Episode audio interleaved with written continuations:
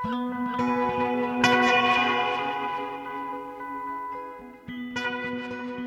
og sæl, kæru lustendur, við sjá heilsar 5. daginn 16. júni. Ég heiti Halla Harðardóttir. Og ég heiti Jóhannes Ólafsson. Söngháttið, rúsnesk menning og listasagan í hönskum Mikka Mús í Víðsjá dagsins. Söngháttið í Hafnarborg er orðin árlegur viðbyrður í tónlistarlífinu Hún er nú haldin í sjötta sinn undir styrkri stjórn Guðrunar Jóhannu Ólafsdóttur og Francisco Javier Jaregi sem einnig stopnuði háttíðina á sínum tíma. Í ár er bóðið upp á áttatónleika með framúskarandi söngurum, kór og hljóðfæraleikurum sem flytja fjölbreytta tónlist frá ólíkum tímum. Rúmlega 50 íslenskir og erlendir tónlistarmenn taka þátt í þessari háttíð en einnig verða ímis námskeið í bóði. Guðrun Jóhanna verður gestur okkar hér rétt á eftir. Teiknimyndir eru ekkert lægri en kúbismin hjá Picasso, segir myndlistamæðurinn Einar Lúðvík Ólafsson. Hann er bæði með bakgrunn í myndlist og tölvunafræði. Hann málar á fremur hefbundin hátt með óljulítum og vísar í listasöguna langt aftur í aldir. En slær hefðinni saman við skrautlegan og teiknimyndakendan heim sem skapar nýtt samhengi til að fást við okkar sítengdu, samhengislausu og absúrt daglegu tilvist. Einar Lúðvík opnar síninguna Sannleikurinn þekkir raunveruleikan í Galleri Port á nýjum stað á lögavegi 32 á lögadaginn. Þar fæst einar við sögu málverksins, góðsagnir og samtíman og við lítum inn á vinnustofuna hans hér í lokþáttar þar sem hann er að leggja lokahönd á síninguna. Við kynntum hér til leiks í upphafi vikunar nýjan pislahöfund, Viktorju Baksína. Í sínum öðrum pisli í dag fjallar Viktorja um menningu í Rúslandi eftir hrun Sovjetríkjana, helstu afreg og áföll tíunda áratörins.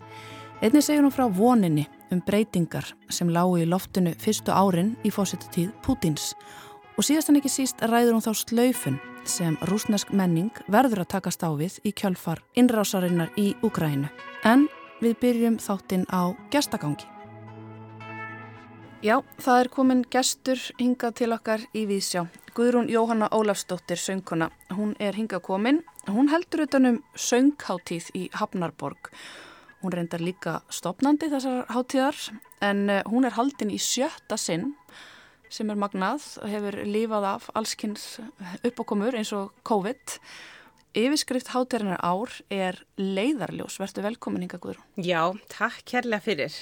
Einmitt já, hérna við stopnum þessa háttíð, um, ég og maður minn, Frantísko Javier Járegi og þetta er einmitt eins og segir sjötta árið rauð og við höfum verið ótrúlega heppin að geta alltaf haldið háttíðina líka í fyrra og hitti fyrra, þrátt fyrir COVID því við ná, rétt náðum inn í svona COVID-glugga mm -hmm. og hérna, já, þema háttíðarinnar í ár er leiðarljós og þetta er í rauninni tilvittnun í hérna ljóð eftir Jónas Hallgrímsson úr Hulduljóðum eða Smávinni fagrir og kannski frægasta lagið við sko þetta ljóð er eftir Jón Nordal mm. rosalega fallett lag sem hann samti fyrir kór og Barburu kórin syngur til dæmis á sunnudaginn hjá okkur en hérna svo samti Alli Heimir Sveinsson líka mjög fallett lag og hérna við eh, þetta sama ljóð. Og uh, við vorum svo hrifnaði við hérna Javier, maðurinn sem er gítarleikar og hann hefði mikið verið að gera útsetningar á íslenskum hérna sönglum að hann gerði útsetning á þessu og, og, uh, og, þar, og þetta er svona tilvittnun sko í vissi ég áður voru þér vallar stjördur um breyðagrund fegurstu leiðarljósin mér lek ég að yfir marga stund.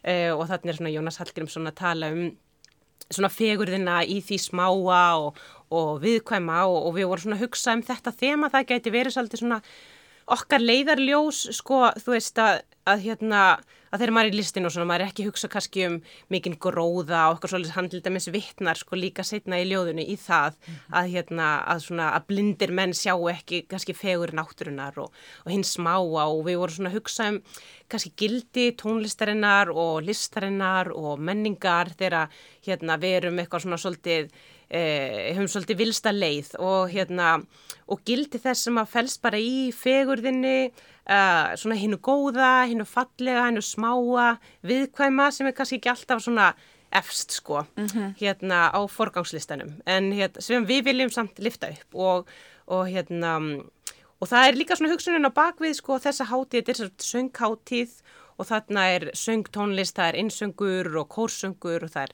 ljóðasöngur og nútímatónlist og, og, hérna, og óperutónlist líka og það er ekkert allt fallegt.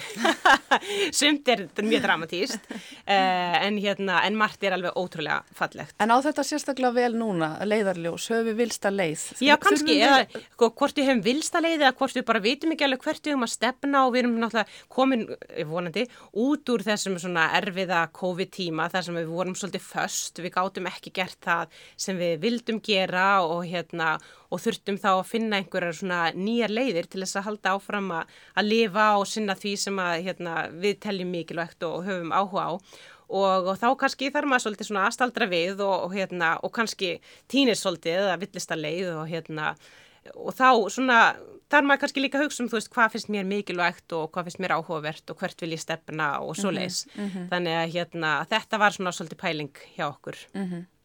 Og þá er tónlistin aldeilis gott tæki til þess? Já, hún er svona, sko, tónlistin svona í sjálfu sér er kannski svona abstrakt listform en svo tónlist, eh, sko, söngtónlist verður kannski meira konkrétt listform vegna þess að þá erum við komið með texta líka, mm. hvort sem það er ljóðateksti eða óperuteksti eða, eða eitthvað annað og um, e, já, og hérna, auðvitað náttúrulega samt hvað fólki finnst mikilvægt, mér finnst tónlist mikilvægt og ljóðlist líka og bókmyndir og bara menning yfirleitt. Og það er eitthvað svona sem við viljum leggja árslu á. En, en svo er þessi háti, hún var nú til svo særi þetta sjötta skipti sem hún er haldin og, og svona hugmyndin á bakviðana er svo að bjóða upp á tónleika með alveg fyrsta flokks tónlistamönnum þannig að fólk getur bara svona gengið að því það veit bara ef við fyrir á söngkvættu í Hafnaborg að þá verða þar frábærir flítjandur og, og vel úttugsaðar efnisgrár svona frá byrjun til enda og hérna þannig að við pælum mjög mikið í sko bæði hildinni þú veist í allri hátíðinni að það hérna Eh, að það sé svona að kenni margra grasa en líka í hverjum tónleikum og hérna stundu koma listamennin bara alveg með fullmótaðar efniskrást og stundum mhm. er ég með mikið svona og við með puttana í efniskráni um, og hérna og vinnum þetta svona í saminningu. Einmitt, þetta er mjög fjölbreytt að skrá, það er hérna klassík en það er líka nýtt, nýtt efni, það er frumflutningur á nýjum verkum, eh, við erum að tala um þú veist, það er Mozart og samtíma tónskáld Já, einmitt, já, sko Mozart um, Meiri Mozart Meiri Mozart, já, það er fyrsti tónleikarnir og hérna Mozart er nú mikið uppáhalds tónskáld hjá mér eins og hjá mörgum öðrum og hérna, sumir hafa nú rætt að Mozart hafi kannski verið einhverju beinu sambændi svona við bara almætti eða, eða hans eh, tónlist sé eitthvað svona, þú veist, guðleg eða hann hafi náð einhverju svona sambandi við hvort sem það er guð eða náttúrann eða eitthvað svona, eh, eitthvað aðra, veit það ekki, -hmm. hvort sem að fólk trúir því eða ekki, þá er hérna, er allavega ótrúlega mikið af fallir í tónlist sem að Mozart samti og uh, þannig að við vildum gefa honum svona sérstakann fókus um, og hann er frægur náttúrulega bæði fyrir söngverk og, og hljómsöldaverk og hérna ímisform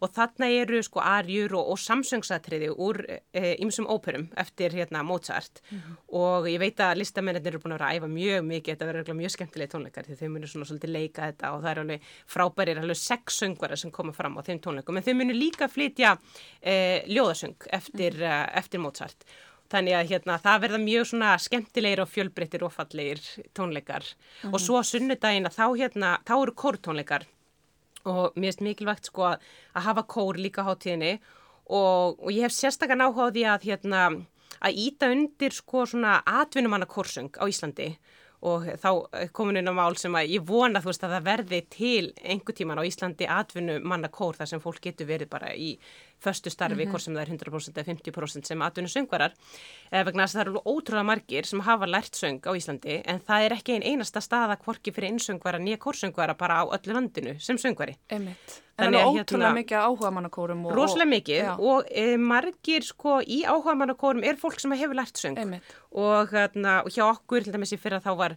e, var skólakontórum og það er allt lærðisöngvarar og kantokkan sambú og það er allt lærðisöngvarar og barburukórin þetta eru líka lærðisöngvarar og ég er svona legg áherslu á það. Já. Já og hérna að þetta séu sko fólk sem er búið að læra söng og hérna og er sem sagt á svona atvinnu manna level mm -hmm. eh, vegna þess að allir sem að koma fram á að hátíðinni það er allt atvinnu fólk í tónlist. Emitt.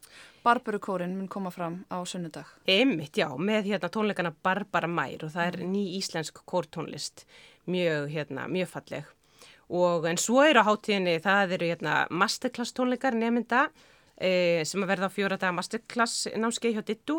Svo erum við með fjölskyldu tónleika því okkur finnst líka mjög mikilvægt að, hérna, að rekta nýjan áhrindahóp að, eh, að, hérna, að börn komi líka inn á tónleika og með fjölskyldur sínum og bæðið þau njóti tónlistar en séu líka virk í tónlist. Þannig að hérna, það er sko fymta tónlistanámskeið sem börn taka þátt í og svo líkur því með þáttöku þeirra í fjölskyldutónleikum með atvinnutónlistamönnum þannig að það er svona hugmyndin að blanda saman börnum og atvinnutónlistamönnum og þau fá að vera virk, fá að koma fram en hlusti líka á mjög góða tónlist sem er, er vel flutt. Mm -hmm. og uh, svo erum við með óperugala og það er nú ekki fyrsta skipti sem við erum með óperugala það er alltaf mjög vinsalið tónleikar en það er ekki alltaf hérna sama tónlistin.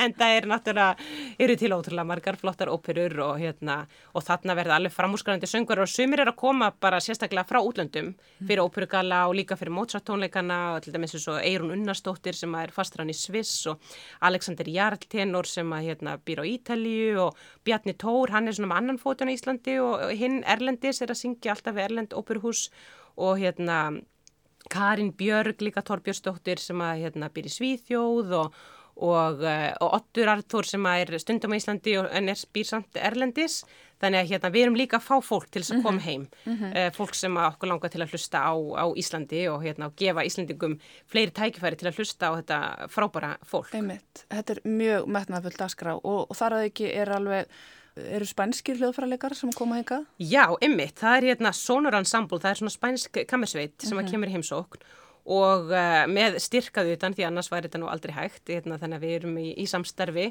E, það er styrkur frá hérna, spænska menningarmála ráðunitinu og uh, þetta er sko strengja kvintet og þau eru, og, og piano og strengja kvintetin þau eru hljóðfæraleikarar í Symfóni hljómsveit Spánar Orgesta Nacional de Spanja og, eh, og svo er píjánuleikari með þeim og stjórnandi og hérna, ég hef reynda sungið mig mikið með þessari kammersveit á Spáni líka samt í Pétursborg og Sofí og Helsingi og Stokkólmi og Buenos Aires og út um allt þannig að það er alveg frábært að hérna, mhm. geta fengið þau hingað mm -hmm. og þau eru að flytja spænska tónlist og portugalska og, og líka eitt verk eftir hérna einmann minn og sem að stopnaði hátíðana með mér og stjórnarinni, Frantísko Javier Háreiki, Warm Summer Sun sem við hefum hérna hefum líka flutt erlendir sem aldrei hérna á Íslandi og líka basknesk þjóðlög sem að hérna hann útsisti sérstaklega fyrir þennan hóp.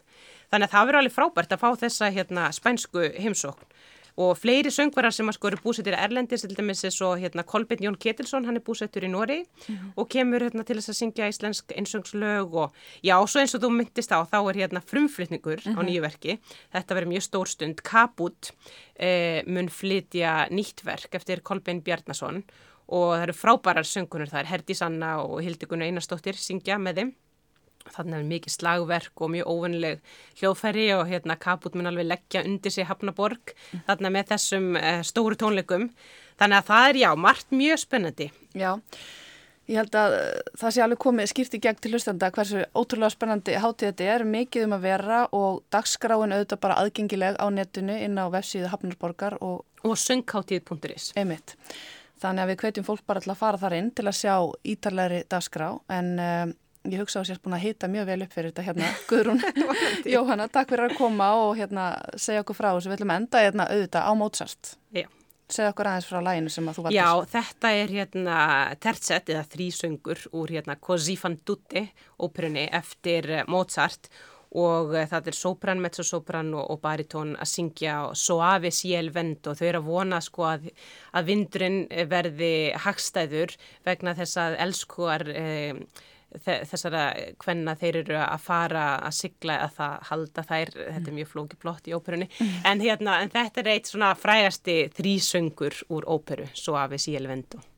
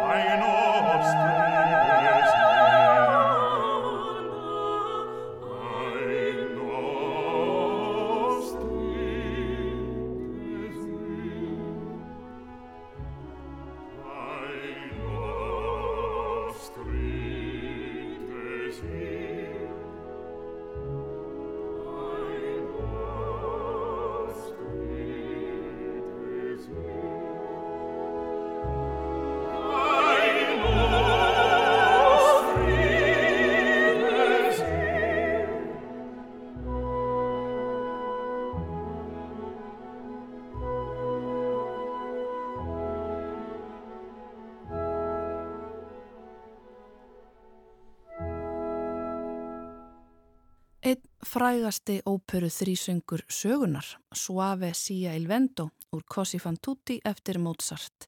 Brynn Terfell, Mía Persson og Kristína Ræs sungu undir flutningi skosku kammersveitarinnar. Þessi tónlist og alls konar önnur tónlist, íslensk, erlend, klassísk og splunguní er hluti af dasgrá söngkáttíðar í Hafnarborg sem hefst á laugardag 18. júni og stendur fram til 10. júli. Guðrún Jóhanna Ólafsdóttir, söngkona og stopnandi hátíðarinnar, sað okkur hér frá metnar fullri dasgrá hátíðarinnar sem haldin er í sjötta sinn og sem hefur yfirskriftina leiðarljós þetta árið. Já, mjög spennandi. En úr músikinni höldum við inn í menningarsögu Rúslands. Við kynntum hér til leiks í upphafi vikunar nýjan pislahöfund Viktorju Baksína. Viktorja er málfræðingur og tungumálakennari frá Rúslandi en hefur búið á Íslandi síðan 2016. Starfar sem rúsnesku og íslensku kennari, þýðandi og tólkur. Í sínum öðrum pistli fjallar Viktoria um menningu í Rúslandi eftir hrun Sovjetríkjana, helstu afreg og áföll tíunda áratugarins. Einnig segir hún frá voninni um breytingar sem lágu í loftinu fyrstu árin í fórsetatíð Pútins. Og síðast en ekki síst ræðir hún þá slaufun sem að rúsnesk menning verður að taka stáfið í kjölfar innrásarinnar í Úkræinu. Ég vel áður en Sovjetríkinn hrundu lág voninum breytingar á rúsneskri menningu í loftinu. Gorbachev og glasnastímabilið seint á nýjunda áratögnum var kvetjandi. Hjartnefi rýtskóðurinnar held fólki ekki lengur hálstaki svo það kafaði í hínu óþekta. Hrunið var harmleikur þar sem það táknaði tap á þessari sovjísku algild og sjálfsvitund tovarish, félagi, og tap á meningartenslum og skiptum á milli sovjetliðveldana. En einig var leiti á það sem nýtt upphaf. Hjártjaldinu var leift og rúsar býðu óþólinnmóðir eftir að hafa alminnilega sína á vestræna meiningu. Ekki undir ströngu eftirleiti og í takmörkuðu ópinberu umhverfi eða smigluðu eins og bytla kassetunni sem pappi minn hlustaði á í hernartólunum sínum undir teppi í lókuðu herbergi í æskju. Spurningin lág í loftinu.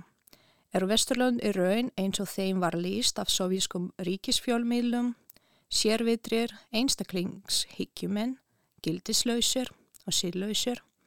Eða erum við kannski nær þeim en við höldum? Getum við lífað saman eða eiga rúsar að fara sína einn leið? Árið rétt eftir hrun voru ekki góð fyrir rúsneska listamenn og minninguna almennt. Rúsneskir ínviðir stóðu sig ekki vel, hakkerið var í mólum þar sem mikið af auðlindum sem dreift var í áætlunar búskapnum tapadist. Greppan skall á mjög hrægt, síðan komum tvö stríti Tjetjenju og fólk neytist til að vinna fyrir sínu daglega brauði við allar mögulegar atstæður.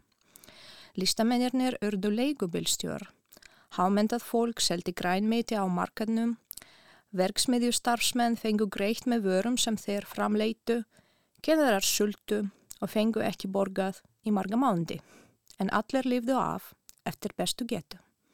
En þráttir í það náðus ákveðnir áfangar. Samhlega greppu stjórnmálakerfisins hefur ríkjandi heimsmynd íbúana einig verið dreini Eva Kommunista hugmyndafræði misti merkingu sína vegna hrun sosialíska heimskerfisins almennt og Sovjetríkjana sérstaklega.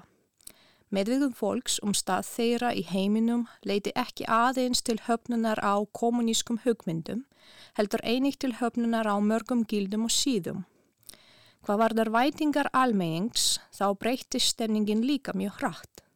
Meiri hluti þjóðurinnar trúði upphafi á ópenberan áráður Þetta er vandamáli efnahagslifinu, innanríkis og utanríkis stefnu júkust fór alveg hugsun smám saman að hallast að einstaklingshyggju. Hugmyndir um þjóðurnishyggju urdu líka útbreyðar. Í gegnum árin myndi kreppa hugmyndafræðinar fólk á trú. Trúarleg viðhorf í samfélaginu þróðust af endurnýðum krafti sent á nýjunda áratögnum. Endurreisn kirkna, klaustra, moskna og samkunduhúsa hófst um allt Rúsland. Hins vegar var ekki alls svo bjart í kirkjumhverfinu því hrunsöfetríkina hafði líka áhrif á það. Í Úkrænu listi hluti kirkjufóristunar yfir sjálfstæði réttrúðandar kirkju sínar sem leidi til klopnings í réttrúðinum. Innleiðing líðræðislegar meinreglu í trúarlífinu leidi til tilkomu og útbreyslu ímissa sértrúarhópa og gúrua í Rúslandi og sumir þeirra voru nokkuð róttækir. Hefbundin trúfélag stóð frami fyrir nöytsinn þess að halda stöðu sinni í baróttunni fyrir trúað fólk. Helstu þættarnir í þróun rúsneskar meiningar á síðustu tíu árum 20. aldar voru Afnám takmarkaða á freilsi til sköpunar, mikill samdráttur í ríkisframlöfum til meiningarstofnana, alvarlega lækkun á almennu meiningarstíi íbúa. Margar meiningarpersonur byrjuði að starfa á sviðum postmodernisma, nýframúrstefnu og konseptualisma. Hins vegar var þetta ferli ekki gallalaust. Slik líst var aðeins viðurkend af þröngum hring að dáenda. Þeir þá móti hafa verk tíunda áratugurins í hefbundum stíl hlutið alþjóðlega viðurkenningu. Meðal þeirra er rétt að draga fram kvikmynd eftir Nikita Mikhalkov og Damljóni Sonsam, Brendir af sólinni, sem hlaut Óskarinn.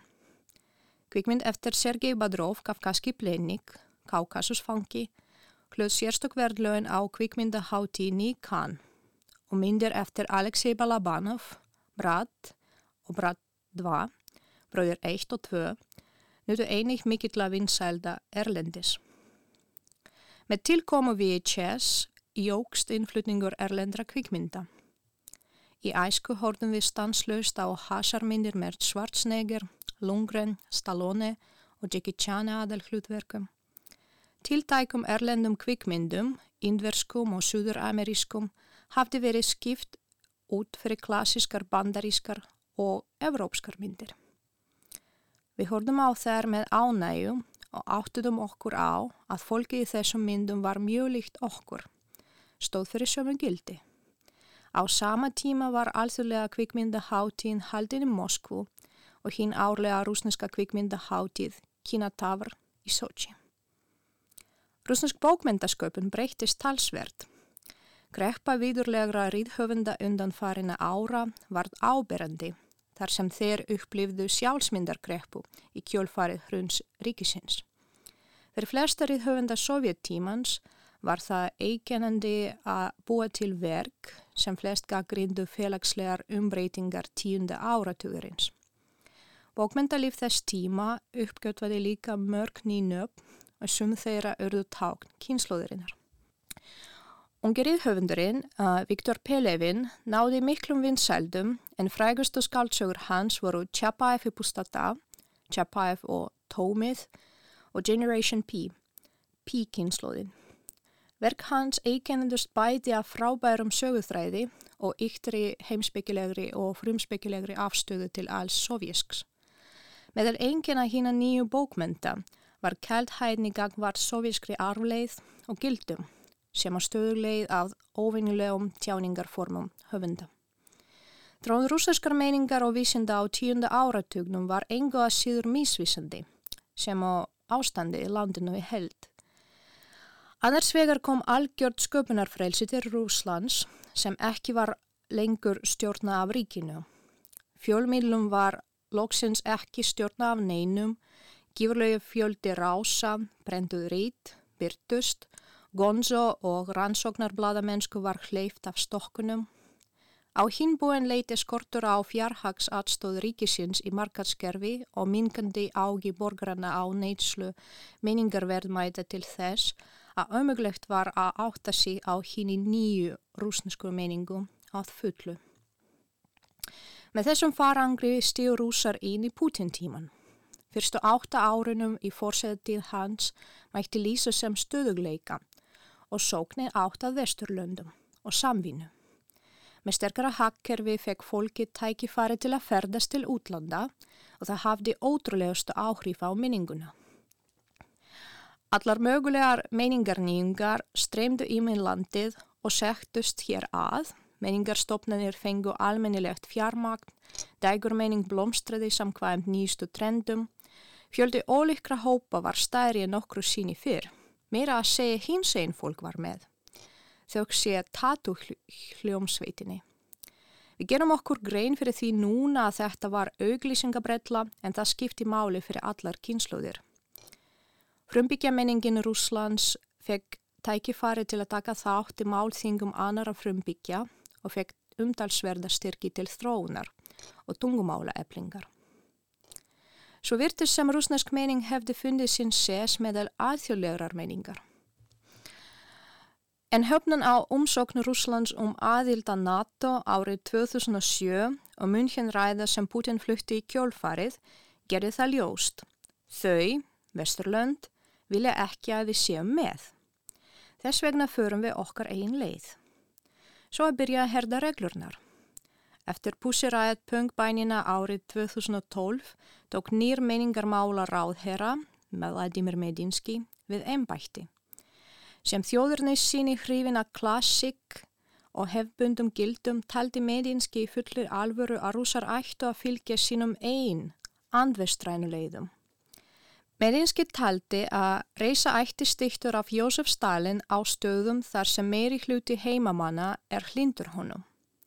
Aðhýlisverð er að Medinski er ekki ansnúin kirkjunni og þau sé verðn hans styrkti hún stöðu sína næstum sameinandis ríkinu og feg umtalsverða styrki. Ná að dögum eru fleiri kirkjur byggðar en skólar eða sjúkrahús. Árið 2013 lagdi meningarmála ráðuneyti Medinskis til uppfærða yfirlýsingu um meningarstefnu þar sem kalla var eftir höfnun á meinreglum umburdarlindis og fjölmeningar. Í stefnunni er lög áhersla á rúsnesk, hefbundingildi og varaði gerfilist sem gæti verið ansnúið uh, þessum gildum. Árið 2015 kallaði Medinski eftir því að stopnað yrði rúsneskt þjóðrækið internet til að berjast gegn vestrænum hugmyndum og bætti við að þeir sem væri á móti Rúslandi væri á móti sannleikunum. Með öðrum orðum, rítskóðin var komin aftur. Hún slói gegn í kvikmyndahúsum, bókmyndum, fjólmýdlum, kvikmyndum og hjá bloggurum. Tjáningar og fundafrelsi var tarkmarkat. Þeir sem voru á móti strömnum eða þorðu á mótmæla opinskátt voru þagiðir nýður með öllum mögulegum ráðum, voru kallaðir erlendir umbúsæðilar sem stæðu gegn hefbundum gildum.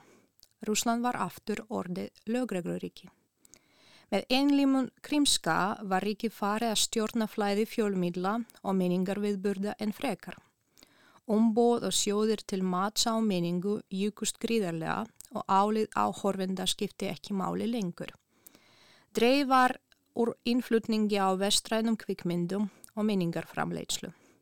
Rúsar voru að gera sína einn hluti án aðkomu Vesturlanda eins og Medinski og Putin dreymdi um. En almenningur var ósamala þótt hann væri hrætur við að tjá sig þar sem fari var að fylgjast með aðhugasemdum jafnvel á netinu. Þegar rúsneska innrásinni Úkrænu hófst var því enginn fyrda að listamennirnir sem listu ópinberlega yfir að þeir væri á múti stríðinu flýðu land af ókta við ofsóknirnar. Þar sem nýluðin sem sett voru í mars 2022 sögðu skert. Alltaf 15 ára fangilsi fyrir vanverðingu gangvard rúsneska hernum og sérstökum hernaðaraðgerðum. Svo listamennirnir, heimsbyggingarnir, kennararnir, kremdilega krem rúsnesks meningarlífs, bökkuðu dótinu sínu saman og flúðu. Alveg eins og farþegar heimsbyggingaskipsins árið 1922 sem flutti til útlanda rúsneska menta og listamenn sem þóldu ekki grímd oktoberbildingarinnar og borgarastyrjöldina sem fylgdi kjólfarið. Rúsneska meningarelitan í útlöndum skipuleikar nú tónleika, stopnan góðgerðsamtök og hernaðar atstændinga nefndir til að stýdja Úkrænumenn og leggja sitt af mörgum til að enda stríðið. Á sama tíma gráta mennirnir í Kreml yfir rúsneskum tónskaldum, höfundum og kvikmyndagerdarmönum sem hefur verið slöfað og telja Vesturlund gedveik en ítreka að rúsnesk mening muni njóta góts af þessu og verða ern sterkari og ríkari ef einhver styrkur gæti þróast í tómarúmi þjóðrembings setu meðlíma Pútins og rýtskuðunar, náttúrulega. Svo verður sem rúsnesk mening sé komin í hnút. Streifi Úkrænu byggnaði á rúsneskri meningu. Mörg samtök, síningar og félag hafa hægt samstarfi við Rúsland allt frá UNESCO til kvikmyndaháttíðarinnar í Cannes. Hernaðar árásir rúsa dró alltaf rúsneska klassiska meningu í Eva, kvikmyndir og málverk, leikhús og bókmyndir. Fólk sem las Pushkin og Gogol í skólanum og horfði á góður sovjískar teiknimyndir fremur nú þjóðarmord í Úkrænu, nöðgar konum og stundar rán. Hinn er svokölluðu verjendur rúsneska heimsins eidilögdu leikhúsið Mariupol, þrátt fyrir rísastóra áletrunina börn við hlýna á byggingunni. Lestar uppfærslur í þessu leikhúsi byggðust á sígildum rúsneskum bókmyndum. Sumar telja að mögulegt sé að hætta við og gengisfella afreg rúsneskrar meningar. Aðrir að hún hafi endað í alnúli og engin rúsnesk mening sé til. Hún geti ekki bjarga rúsum frá villimennsku, þannig að nokkura áratuga endurreysn og yðrun býði. Og nú er hlutverk meningar persóna bæði í Rúslandi og Erlendis að hugsa vel um hvað eigi að endurskoða úr fortíðinni, hvað og hvernig eigi að skapa nútið og framtíð. Rúsneskri meningu er slöfað með rúsneskum sprengjum sem fjallu á leikhúsi Mariupol, þar sem 300 manns fórust þar á meðal tugjur barna. Þetta er raunverulegt afnáum menningar. Við þurfum núna að byggja allt upp frá grunni, rúsnesku þjóðina, rúsneska ríkið og rúsneska menningu. Hvernig? Það er óljóst. Kanski þurfum við einhver eins og Eminem sem tókst að dísa Machine Gun Kelly út úr rapgerjanum sem betur fer fyrir popkultúri bandaríkinum. En engin veit hvort það sé einhver Eminem meðal okkar sem getur tekið slæð fyrir rúsneska menningu. Saði Viktoria Baksína, nýr pislafundur hér í Vísjá, sem hann halda áfram að fjalla um líf og menningu í Rúslandi á næstu vikum. En við ætlum að halda niður í miðbar Reykjavík og næst við hefum fund við myndlistarmann. Já, ég er komin hérna á vinnustofu listamanns. Hjá mér er Einar Lúðvík Ólafsson sem að, já, segir allt sér í drastli hérna en ég, ég sé nú bara aðalega listaverk. Hvað ertu búin að vera hérna lengi? Uh, ég er búinn að vera með vinnustofu hérna í núna rúmlega mánuð og við erum sérstaklega sitjandi inn í, inn í gamla húsnaði Gallery Port og ég er sérstaklega að fara að sína í nýja Gallery Port og við fengum, fengum gamla húsnaði í, í því ásöðkomi lægi sem að það bara var. Sættum okkur við það að við erum hérna þrýra að leiða stúdíu núna. Og það nýtist bara vel? Það nýtist mjög vel. Þetta er svona gaman að geta að svona vera þessi klassíski listamæður sem er að endur nýta rými sem að sem er ekki, sem að nýtast ekki neitt annað að hverju núna. Já. Það er mjög gaman.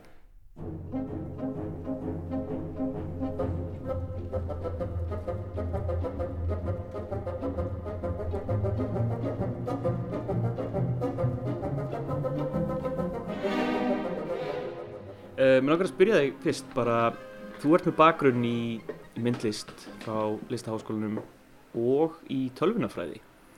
Segð mér aðeins bara hvernig ægslaðist það, hvernig, hvernig skarast þessir heimar og hvaðan kemur myndlistar áhugin? Uh, já, það er hérna, ég hef svona alltaf, alltaf teiknað bara frá því ég mann eftir mér og, og verið bara svona handóður í gegnum svona öll mín skóla ára svona. Og, en ég er ekki úr sko svona einhverju svona listhengtri fjölskyldu mikið sko. Svona pappi lögfræðingur og mamma livjafræðingur og, og allir einhvern veginn svona meira í þeirri hliðinni í fjölskyldunni þannig að þannig að það var svona einhvern veginn ekki þegar maður er svona ungur og það var það ekki svona í einhvern veginn heimsmyndinni hjá mér að allt í hennu fara í myndlistan og það var einhvern veginn svo einhvern veginn svona ekki alvöru möguleiki. Þannig að ég, ég bara ég mitt fór í, fór í tölunafræði eftir, eftir ég kláraði mentaskóla og og svona þetta er svona hinn svona hefðbundna einhvern veginn, hefðbundna handrétið sem þú átt að gera, svona fara í mentaskóla, fara í háskóla og svo hvað að verða hérna kona á börn og, og þessi hérna kjörfjölskylda og allt það. Mm. En svo svona eins og ég segi, ég hafði alltaf verið að teikna og verið svona létt svona grillaður, grilluð týpa sko, alls þar sem ég kom og einhvern veginn að þegar ég var byrjað að vinna í, í forritunni þá einhvern veginn svona kom það upp, bara svona áttaði mig á því að það væri kannski ekki alveg, ég væri kannski ekki alveg á réttur braut og, og einmitt ákvað bara að svona, í svona smá einhverju, einhverju svona tilvista krísu þá ákvaði ég bara sækjum í, í listaháskólan og komst inn bara blessunarlega og, og síðan þá hef ég bara fundið mig miklu betur og Og þá voru vantilega þessar tekníkar og, og þetta sem þú búin að vera, varst búin að vera að vinna í, í möppunni e, e, hérna inn í listáskólum. Já, þá bara svona, þetta var náttúrulega, þú veist, svo, svo þegar ég komin einmitt í, inn í, inn í listaháskólan, þá, þá segi allir vinnirni við mig, sko, já, einar, ég sagði þér alltaf að þú ættir að fara í myndlistana og eitthvað svona. En það, ég man nú ekki eftir því þegar það hefði sagt mér það, sko, fyrirfram, en þeir segja það. En það, það smalt bara vel saman og, og það fýnt, fýnt náttúrulega bara að hafa klára tölunafræðinu og nú er ég svona að, að svona stústast í henni hér og þar og í, teka með verkefni og sem er náttúrulega bara mjög gaman, sko. Nýtist þetta einhvern veginn svona myndlistinn í, í tölunafræðinu og tölunafræðinu í myndlistinni? Það er náttúrulega alveg mjög mikið af, af hérna, myndlist svona nú til dag sem er að nýta tæknina og er, að, er svona einhvern veginn, við erum í þessum sítengda heimi sem er einhvern veginn að- breytast og ört og, og það er svona mikið, mikið af listamönnum sem er að nýta sér svona þar sem að myndlist og tækni skarast en ég er allavega núna þá er ég ekki, í þessari sýningu er ég náttúrulega bara í oljumálvarki sem er svona svona elsta, myndi maður segja, svona klassískasta, eða hvernig þú vilt orða það, svona gamaldags. Já. En ég er samt svona í verkunum mínum að takast á við þetta, þetta kaos sem við lifum í í dag. Einhvern veginn, þegar allt er, allt er einhvern veginn soðið niður í, þú veist, 5 sekundna TikTok myndbönd og, og svona samhengisleysið er algjört finnst mér, þá, þá finnst mér gott svona að vinna í svona klettunum sem eru oljumálverkið og sita, sita vittleysuna sem er í gangi í dag í samhengi við söguna. Þannig að, Já, nota hefbundin miðil einhvern veginn til þess að fjallum óhefbundan tíma. já, einmitt, það var svona það sem að, sem að svona kveikti í mér svona fyrst, það er oft svona hugmyndir hjá mér allavega, þá er, þá er, þá er það oft sko eitthvað svona sem að, mér, sem að svona pirrar mig létt við ein- eins og, eins og sérna, eins og svona portréttmálverk í dag, eða þú sér portréttmálverk sem er málað núna árið 2022, kannski bara mjög fallega málað og allt það, en maðurinn er í Adidas peysu og með iPhone 6 á borðinu eða eitthvað. Þá einhvern veginn svona, það, það passar ekki einhvern veginn í, í heilanum á mér sem, það, það svona eðilegur málverkið en samt er þetta alveg sannleikurinn við daginn í dag, það er eitthvað svona, eitthvað svona disconnect og það var svona það, það svona dynamic sem að ég byrjaði að leika mig með uh, fyrir núna alveg kannski tveim árum með eitthvað og, og er ennþá að gera í þessari. Já. Akkurát. Og þetta eru náttúrulega, uh, þetta eru mjög litríkar myndir og svona mm, svolítið skrýbó. Erkitýpur, mjög svona yktar, figuratívar myndir. Um, ertu búin að vera lengi sagt, með þessar, þessar pælingar? Uh, já, svona, þetta er mitt, þetta er svona, kannski, ég vona nú að ég geti sett þetta einhvern veginn í orð, svona, einhverja svona hér og þar pælingar sem eru hér í hausnum, en já, þetta er, þetta er mikið, öll þessi málverk sem ég er að fást við hérna, eru svona mjög mikið að, að referensa í listasöguna og málar aðferðir fortíðarinnar þar sem að, og svona kúbismin kemur mikið fram, þar sem að, þú veist, sem að kemur uppröðanlega fram, þú veist, einhvers staðar í Fraklandi við, við sko breytingum þess tíma, sko, en mér fannst einhvern veginn svona eiga við að, að kúbismin tekur sjónarhóttn og færi hluti hinguð á þangað og, og mér fannst það eiga við í dag einmitt þegar ég tala um svona hvernig mér líður dagstaglega í þessu árið 2022 Maður er, það er einhvern veginn allir bara einhvern veginn fljótandum í einhverjum ólgusjó. Og þannig að þú veist ég er svona mikið að, að referensa hingað og þangað í söguna og, og einmitt svona og er alveg leifið mér alveg passa mig að hafa ekki sko eins og þú segir svona skrýbó það er svona kannski svona smá teiknumynda stíl Já. að koma bara ef það er eitthvað svona eitthvað tákn eða myndmál sem ég fæ úr því þá tek ég það bara sem ég líst á. Já. það er ekkert eitthvað svona engin, engin svona hýrarki að þú veist eitthvað svona teiknumyndir séu lægri en kúbismin hjá Picasso eitthvað. Það er bara svona að taka hérna og þaðan og, og einmitt eins og þú segir með skæru litina það er bara það er að sama svona svona þessi ítta tilvera í dag. Og, og, og kannski þú veist maður hugsa þú veist um Instagram filterina sem þú, veist eitthvað það er allir eitthvað tannaðri á Instagram en þeir eru í rauninni og Já. eitthvað svona. Já, og breyta sér kannski í eitthvað, eitthvað skrýpi eða eitthvað. Einmitt, einmitt. Og svona, já, einmitt eins og þú veist, bara til dæmis ég var að kaupa mér nýjan Samsung síma og þá hérna er, er sem sagt, selfie myndavél og þegar ég kveiki á símanum í fyrsta skipti þá er automatist á svona andlitsfilter sem að stækkar á mér augun og minkar á mér hérna, þú veist, undirhöguna og eitthvað svona þá kom bara, það var bara standardin að það var á. Ég tók bara, hérna, pröfaði nýju myndavæluna og ég bara, ég lít ekki svona út.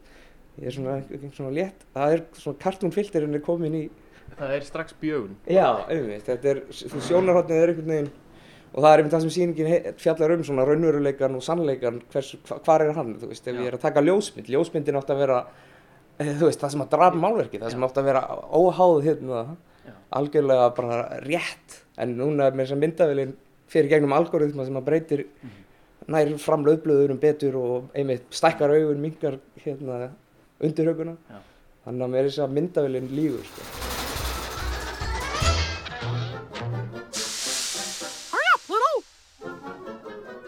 Bara eitt dæmi um, um svona til þess að lýsa þessum verkum, þá eru um, svona fígúrurnar hérna á, á mörgum af málverkunum með þessa frægu hvítu hanska sem eru í uh, svona gömlu teknimyndunum. Um, Mickey Mouse var í svona hvítum hönskum. Uh, þetta er já, þú veist, einmitt, þetta er, já bara, þetta er bara eins og ég segi, þetta er tekið bara beint úr, úr teiknumyndunum, en það er svona, og, og hanskin í eins og til dæmis Mickey Mouse sem, þú veist, uppræðanlega er Mickey Mouse settur í hanska og því Mickey Mouse er náttúrulega allir svartur, hann er svört mús og það var mjög erfitt að sjá fingurna, en ef þú setur hann bara í hvíta hanska, þá er mjög auðvelt að sjá hvað fingurnir eru að gera.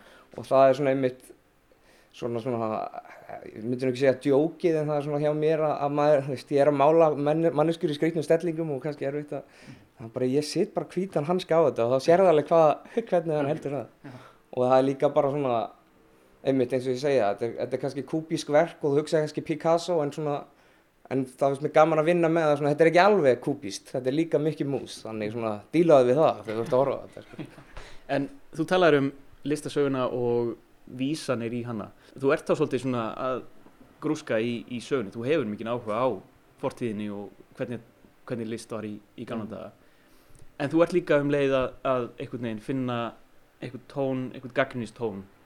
Já, ég myndi alveg segja að þó að svona gaggrinni, það er svona, mér finnst alltaf svona daldi, eh, mér finnst það svona daldi innantómt þegar, þegar einhver svona verk eru bara gaggrinni, að þá er það svona daldi, það er alltaf auðvelt að vera gaggrinnin, en það er erfitt að vera uh, svona kritískur á réttanátt, það er miklu erfitt að vera svona núansaður. Og það er einmitt svona, uh, já, það sem ég er að segja, ég er að nota í rauninni listasöguna sem tungumál, sem ég tjái á, á einmitt styrjaðanum, að og að endur nýta það sem að, veist, þessar stefnur sem að koma upp hérna í sögunni koma upp við, hérna, einmitt sem kannski háð á einhverja breytingar eða ansvar eða, eða alls konar. Og það er svona, uh, mér er skemmtilegt að, að sita einmitt svona, uh, þú veist, að, að sita svona einhver, einhverjar, einhverjar pælingar mínar sem að mér finnst eiga við nútíman sem eru kannski svona frændur pælingarna sem að sem að frakkarnir á 17. held voru að pæli þegar hérna, þú veist uh, hvað segir maður, loftbelgurinn var ný uppfinning og, og sjónarhóttnið að, ofan var nýtt eða eitthvað svoleiðis að, að svona að þetta er alltaf að, þó að allt sé að breytast þá er samt brey, það, eini konstantin, eini fastin er að það er alltaf alltaf breytast þannig að já, finnst mér gott að vinna í því tungumáli sko. Hvernig tekur þú í breytingar? já, þú veist kannski ekki að teka frábærlega, það finnst ég er einhvern veginn að mála mála árið 2022 í eitthvað ólíumálverk en það er svona, ég, ég veit ekki þetta er, þetta er svona, að miklu leiti er þetta svona mikið, þetta er svona mína pælingar við einmitt einhver svona, svona fótfæstuleið sem ég finnst bara svona einhver svona tóma, alveg svona existential svona spurningum sko. Og þess vegna eru einmitt margar af myndunum hérna eru með svona vísanir í, í þú veist, gríska góðafræði eða, eða biblíuna eða, og, og, svona, og myndmálið og karakterinir ég er með Marju May hérna, ég er með, ég er með mikið af svona þrenningum. Ég er með Sísifus hérna að íta steininum upp og, og En hann er líka í snjallsímanum og í hvítu Mikka Mús hönskonum. Já, já, þetta er svona, þú veist, maður er að reyna að finna tilgang lífsins einhvern veginn alltaf, en, en svo er það líka bara einhvern veginn, svo er þetta líka bara, ég finnst þetta allt svo fárálegt að ég veit ekki einu svona hvort það, er maður bara að vera auðli ef maður er að taka þessi lífi svona alvarlega einhvern veginn. Já. og það var einmitt hérna, það er Albert Camus hérna sem að skrifa um að hann hérna, ímyndaði sér Sísifus að vera glaðan, að hann, hann hugsaði þegar Sísifus var mjög glaður að fá allavega það verkefni að íta upp steininum og sjá hann rúla niður. Hann, hann brosir á þegar hann lappar aftur niður hæðin og íta hann aftur upp.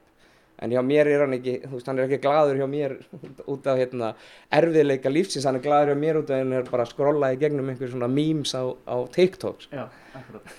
En í því átt að vera ansvar við tilgangsleysinu að brosa bara í gegnum þetta? Já, það er einhvern veginn svona, þú veist, að, þú veist, upprunalega pælingi var að finna einmitt meininguna í, í erfiðleika lífsins, að finna, finna meininguna í lífinu þar. Mm -hmm. En, en ég veit ekki hvort að meiningin er það er ennþá, sko, því að það er einhvern veginn, já, kannski er meiningin bara að, að vera bara að hlæja að, hérna, nýjasta mými vikunar, sko, sem að verður úr úrreldum brandari eftir fjóra daga, sko.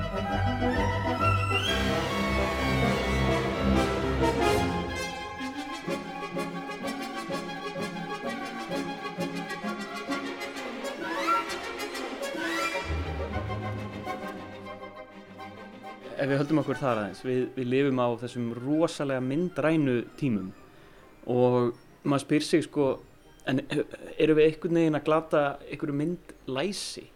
Eru við á einhverju villigöndum? Já, það er einmitt svona líka einhvern veginn það, það sem að, já, ég, ég myndi ekki segja að vera svona villigöndum, en svona, mér, mér finnst allavega eins og ég og, og kannski fleiri séum svona daldi, daldi confused, svona daldi, svo slett ég einmitt, fattar við, og hérna, en einmitt, þú veist, ég, hérna, svona, hvað segir maður, á 20. öldunni þá náttúrulega, þú veist, svona dó þetta stóra narratíf og svona kirkjan og, og Guð dó náttúrulega og allt það. Mm. Þetta, þessi svona, stó, þetta stóra narratíf sem að við vorum öll sammála um, þessi sannleikur sem að, sem að við vorum öll sammála um sem, sem svona fólk, hann svona tvistar þessi sundur með postmodernismannum sem er náttúrulega alveg eh, á rétt á sér og, en, en þegar þú drefur þetta það þetta stóra narratíf sem er svona einföldun á sögunni og, og er ekki alveg rétt en svona í stórum dráttum er eitthvað til í því mm. ef þú drefur og tvistrar í því sundur eins og, og postmodernisk svona filosófí að gera þá þá ert ekki meðneitt til þess að styðjast við þig. Já, missum eitthvað haldreipi en já, einu þá að leitað öðrum nýjum haldreipum ennþá. Já, ég, já, mér finnst eitthvað svona til í því og, mm. og einmitt þetta er svona eins og ég segi, þú veist, ég er með eitthvað svona biblíureferensa hérna og þetta er rauninni bara svona trúarleg ikonografía nema, nema svona alltaf aggressív og, og repurposuð en, mm. en þú veist, sem er náttúrulega alveg fáránlegt sko og ég er nú ekkert eitthvað svona kristin maður eða eitthvað þannig en það er samt eitthvað svona við það er eitthvað svona, eitthvað svona sjarmur yfir því að þessum gömlu sugum sem hafa elst svona þetta lengi og sem að þú veist sagan af Jésús er alveg sama saga og sagan af Harry Potter. Og, og hérna loga gemgengli þetta er, þetta er sama sagan sko. en þetta er, þetta er einhver, einhver svona sem er í, í hausnum á okkur öllum þetta, okkur líkar við þessa sögur en, en það eru svona það eru ekki inn í dag það er einhvern veginn. Og ég veit ekki hvað og þetta er svona mín leið til þess einhvern veginn að reyna eru það kannski bara úti eru það bara farnar, eru það kannski gagslausar eða nægi að vinna þar inn í inn í þennan myndheim sem að ég náttúrulega hef bara sjálfur skilgreint sem svona það sem einnkynir okkar tíma. Mm. er ég að ná að endurvinna gamla eh, narratífið inn í þetta, þessa postmodernísku linsu sem við horfum á allt í dag? Mm. þessa íraníu sem einhvern veginn alltaf litað í dag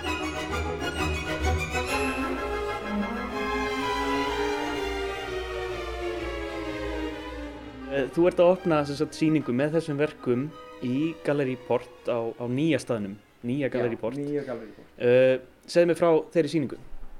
Uh, já, þá, þá sem sagt uh, fer ég í hérna, já, nýja, nýja Gallerí Port og nú situm við hérna í gamla Gallerí Port sem er orðið stúdíóið mitt og, og, og hérna, já, ég, ég svona, er svona á góðri leiði og þetta er bara að setja smá lókahönda á þetta, það styrtist í þetta, en þá er ég mitt að setja þessi verk svona saman, nú eru þið svona daldið bara á rú og stúi í kringum stúdíuð mitt. Mm. en það eru svona eins og hefur minnst á það er svona mikið af, af svona myndmáli og, og svona íkonum sem að endur taka sér milli mynda þá myndin það sjálfar séu mismunandi. Mm. og þá er sér satt mun ég vinna svona með, með uppsetninguna á að horfa sér satt á að ég er með kannski 15-20 málverk hérna, stór málverk en, en að sér satt uppsetningin á þeim. Hvert einasta málverk er náttúrulega inn í einu ramma og segir eina sögu en vegna þess að til dæmis eins og ég er með sjóndeildarhing sem, sem að deilir á milli málverka þá, þá mun ég stilla þeim svona upp þannig að, þannig að kannski er þetta sama sagan milli, milli fjöra málverka. Kannski eru þeir við hliðin okkur öðrum það er kannski erfitt að segja þetta í útvarpi en, en svona það er og það er einmitt svona það sem ég er spenntur fyrir núna þegar ég klára þetta og fyrir að hengja upp er, er einmitt það að, að ekki bara horfa á einmitt málverkið eitt sem eina sögu sem er svona gamla leiðin að gera það heldur er þetta að allt tengist við hvort annað og, og kontekstið á milli. Og þá einmitt kemur í ljós hvort að eins og þú sagðir hvort að þetta make eitthvað senn sem ég er að reyna að gera hérna. Eða erum, erum við bara ennþá í allir að bruglu og þú vorum áður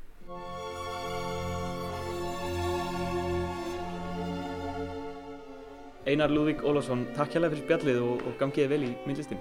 Já, takk sem við leiðis Síðustu tónarnir í Læri Svein Galdramannsins tónlist eftir Paul Dukas sem var notuð í teiknumyndinni Fantasíu þar sem Mickey Mouse og heimur Walt Disney mætti gömlu tónlistarhæðinni svo litið eins og myndlistamæðurinn Einar Lúðvík Ólafsson sem gerir hálf teiknumyndalegan heim úr myndlistarhæðinni. Já, en það er komið að lókum hjá okkur í Vísjá í dag. Takk fyrir samfélgina og verið sæl.